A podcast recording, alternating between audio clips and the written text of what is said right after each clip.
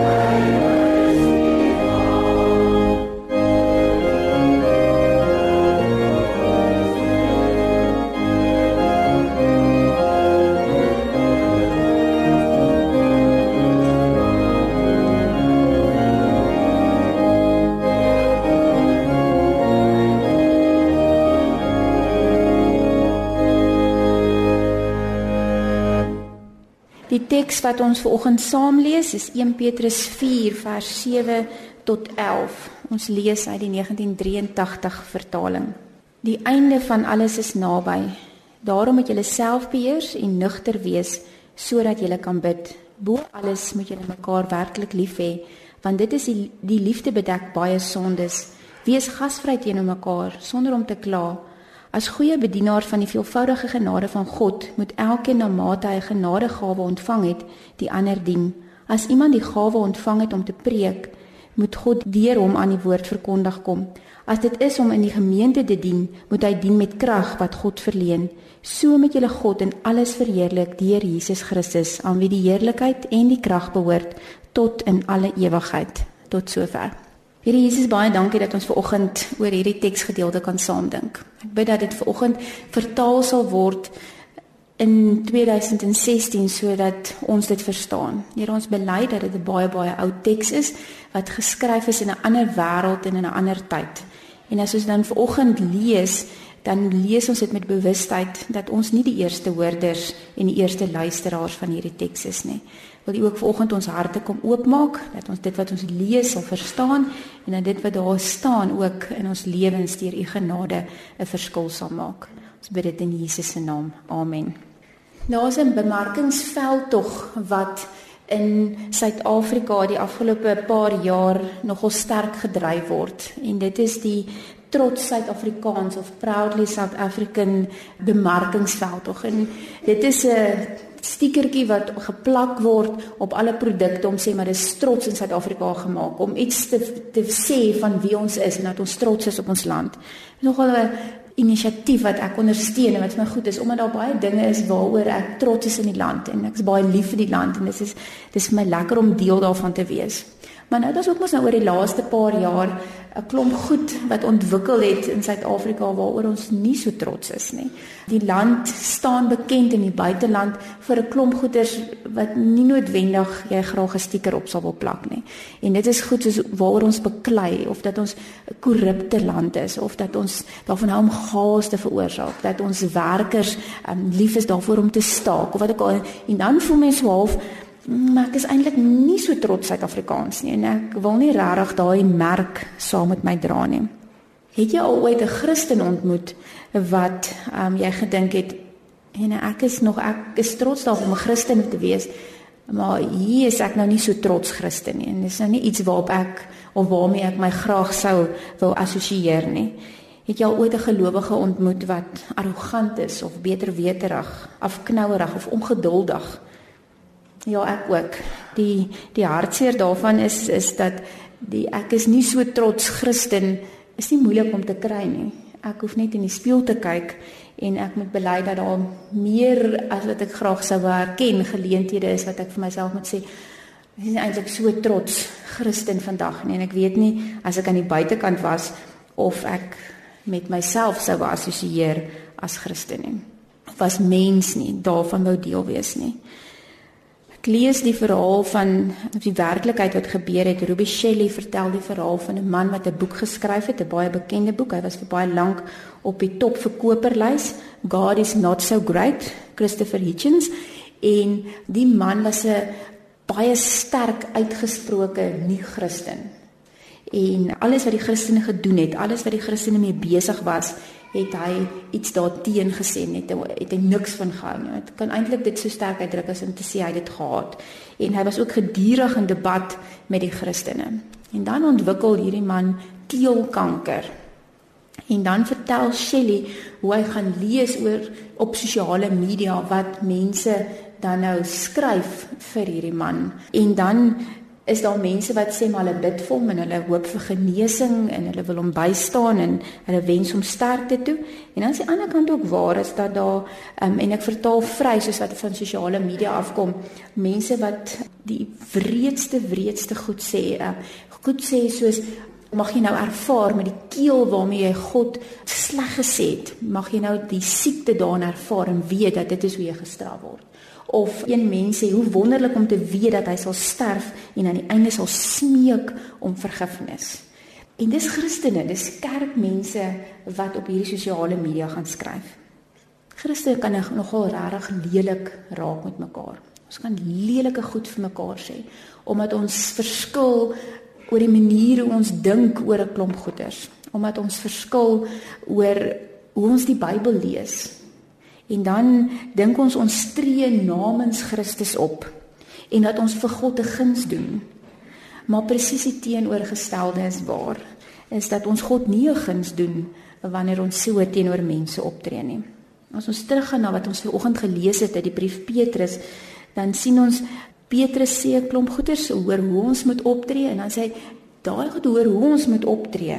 Dit is die goed wat op die ou end vir God verheerlik. As ons die boodskap se vertaling lees, dan sê dit op die manier sal almal God se grootheid kan sien en sal hy die eer vir alles kry omdat Jesus dit vir ons moontlik gemaak het om al hierdie dinge te doen. Almal sal hom herken as die een wat in alles groot en sterk is, nie net vandag nie, maar vir ewig en vir altyd. Daarvan kan jy seker wees. Ons kry nie bonuspunte of 'n spesiale plek in die troonkamer as ons met mense lelik is nie. As ons ander oordeel nie, as ons ander mense veroordeel nie. Ons het nie die reg of die opdrag om ander mense te oordeel nie. Dit is God se werk en God se werk alleenlik. Ons opdrag is om getuies te wees, om vertellers te wees en draers te wees van liefde en sagtheid en genade. Soms wil dit my voorkom of ons as Christene eerder kenners is van sonde as kenners is van liefde of kenners is van genade. Ons is nie altyd so trots daarop om 'n Christen te wees nie, as gevolg van die uitsprake wat Christene maak. En dis hartseer om vanoggend te sê dat Christene ook oor 'n tyd 'n naam ontwikkel het van mense wat nie altyd positief is nie, mense wat nie altyd goed is vir ander nie. Mense wat nog hulle neiging het om ander mense te veroordeel en warm plek te stuur.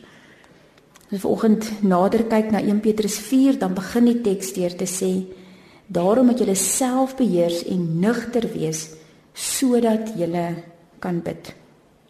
God wil hê dat ons burgers in sy koninkryk moet wees waarop hy kan trots wees, waarop hy 'n stiekertjie sou kom plak en sê proudly Christian.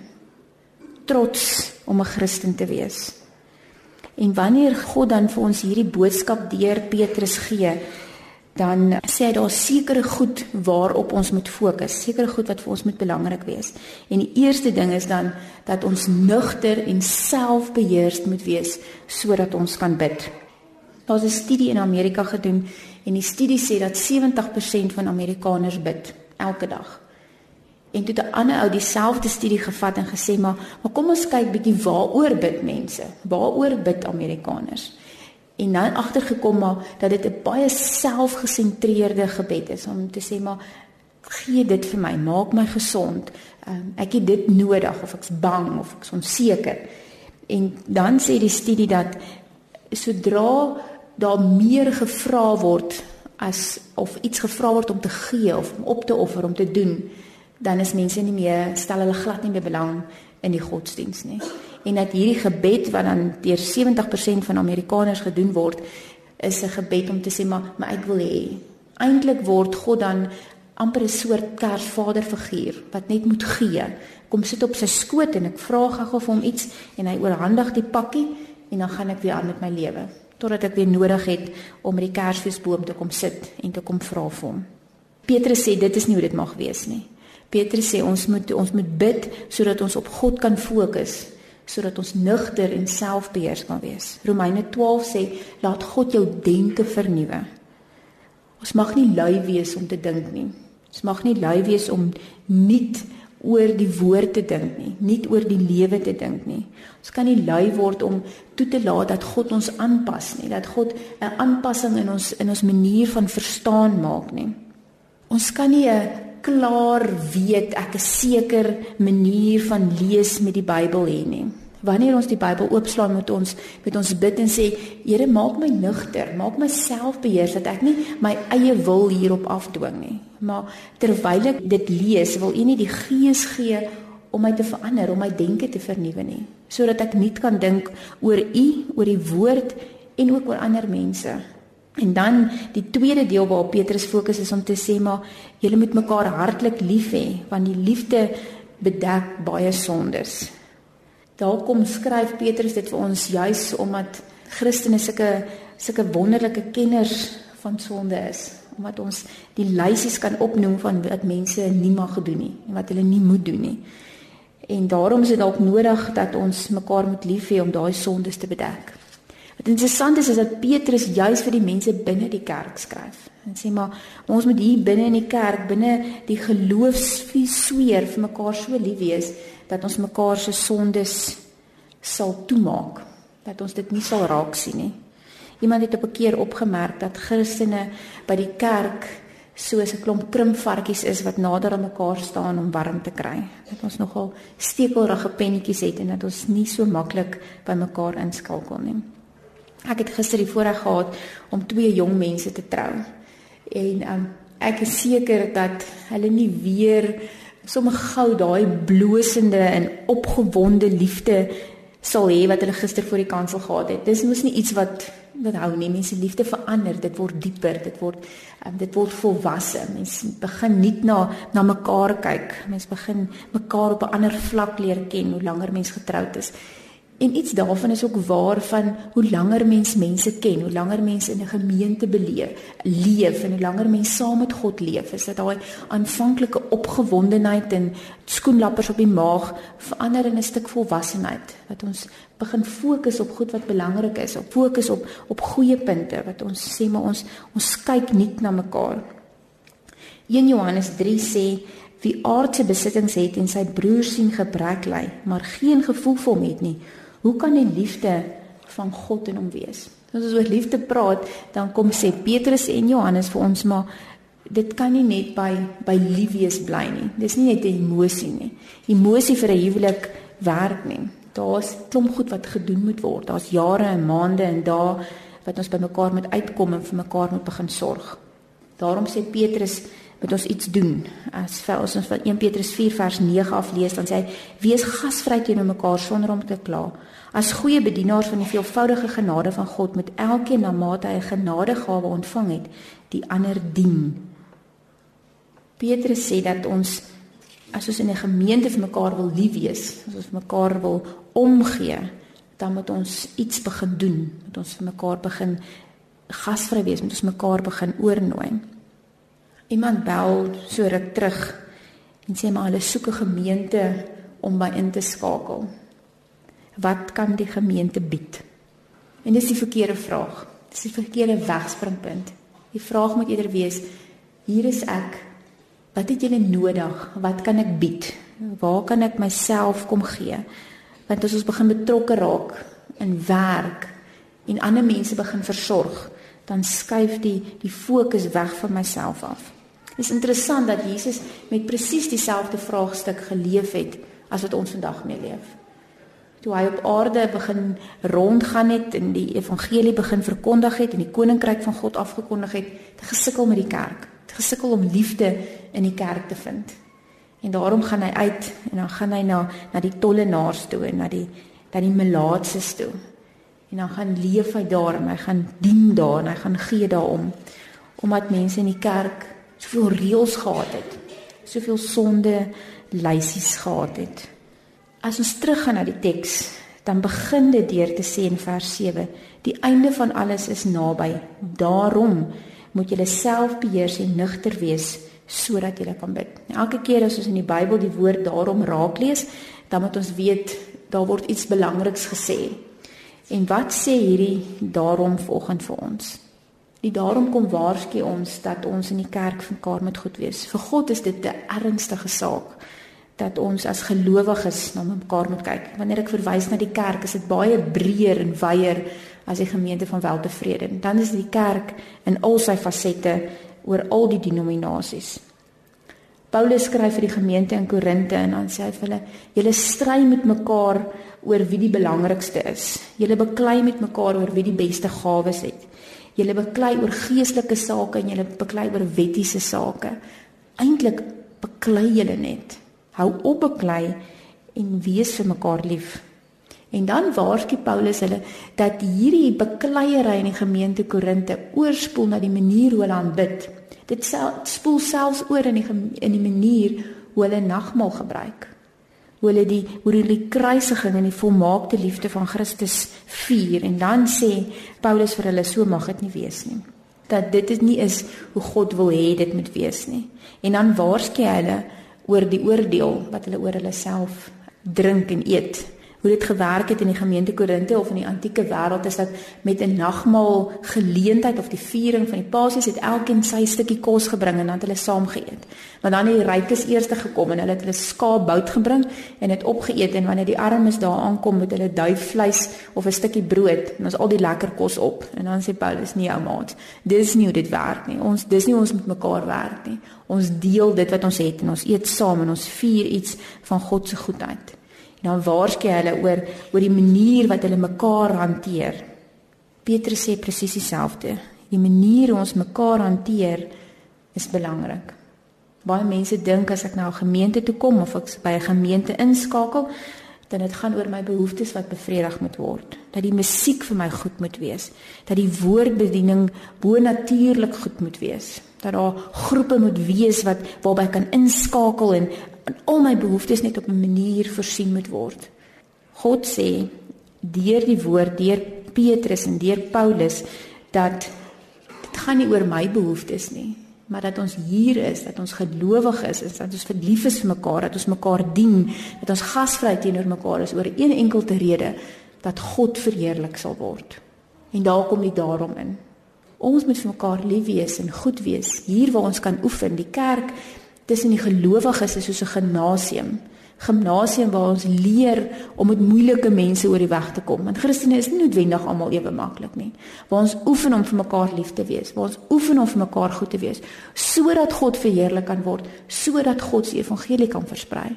Sodat mense kan kyk en sê maar, maar ek wil graag deel wees van daai groep mense wat vir mekaar goed is en wat vir mekaar lief is net voor Jesus se kruisiging met die voete was seremonie wat ons lees in Johannes 13 kom sê Jesus ek gee julle 'n nuwe gebod. En ons al die disippels opgewonde oor hierdie nuwe gebod wat gaan kom want want nou gaan hy vir ons iets kom oopbreek wat ons nog nie geweet het nie. En dan sluit af dan sê hy ek gee julle 'n nuwe gebod soos wat ek julle liefhet moet julle mekaar lief hê. En dan die disippels sê maar het dit nog geweet Wat ek vanoggend sê is niks niets nie. Dis nie iets niets nie, maar dalk moet ons dit nuut begin doen. Dalk moet ons ophou om mekaar te verskeer oor die klein verskilletjies wat ons het oor oor watter sonde die grootste is of wat my sonde kleiner is of dat ek graag hierdie of daardie wil hê in die kerk. Maar laat ons soos wat Petrus sê dat die liefde 'n klomp goed bedek, dat die liefde 'n klomp sondes toemaak en dat ons op so 'n manier by mekaar uitkom om God se woord te verheerlik. Dat ons kan sê ek is trots Christen omdat ons vir mekaar lief is, omdat ons vir mekaar omgee. My pleit sal wees is dat dat ons vir mekaar so lief sal wees dat ander mense nie anders kan sal kan as om by ons te wil aansluit nie. Dit sê maar ek wil deel word van hierdie liefde. Ek wil deel word van hierdie versorging. Ek wil deel word om iets van myself te gee want dis hoe God verheerlik word. Ek gee julle 'n nuwe gebod. Julle moet mekaar lief hê soos wat Christus ons liefgehad het. Amen. Here Jesus, baie dankie dat ons volgende ou ou waarheid kan raak lees. Hoe ons mekaar moet lief hê, hoe ons nugter en selfbeheer moet wees oor hoe ons dink en oor hoe ons bid en hoe ons vir mekaar omgee. Hierdie daar's niks niets daarin nie. Maar 2000 jaar later en ons sukkel nog steeds daarmee. 2000 jaar later en ons maak nog steeds lysies waarom ons mekaar uithaal en mekaar karnuffel en met mekaar lelik is. U woord sê dat dat die liefde 'n klomp sondes bedek.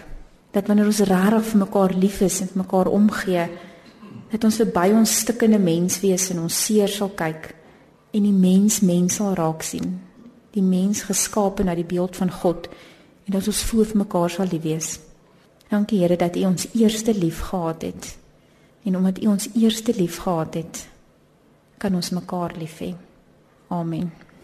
Ons gaan afsluit met die laaste slotlied, lied 532 en daarvan sing ons twee strofes.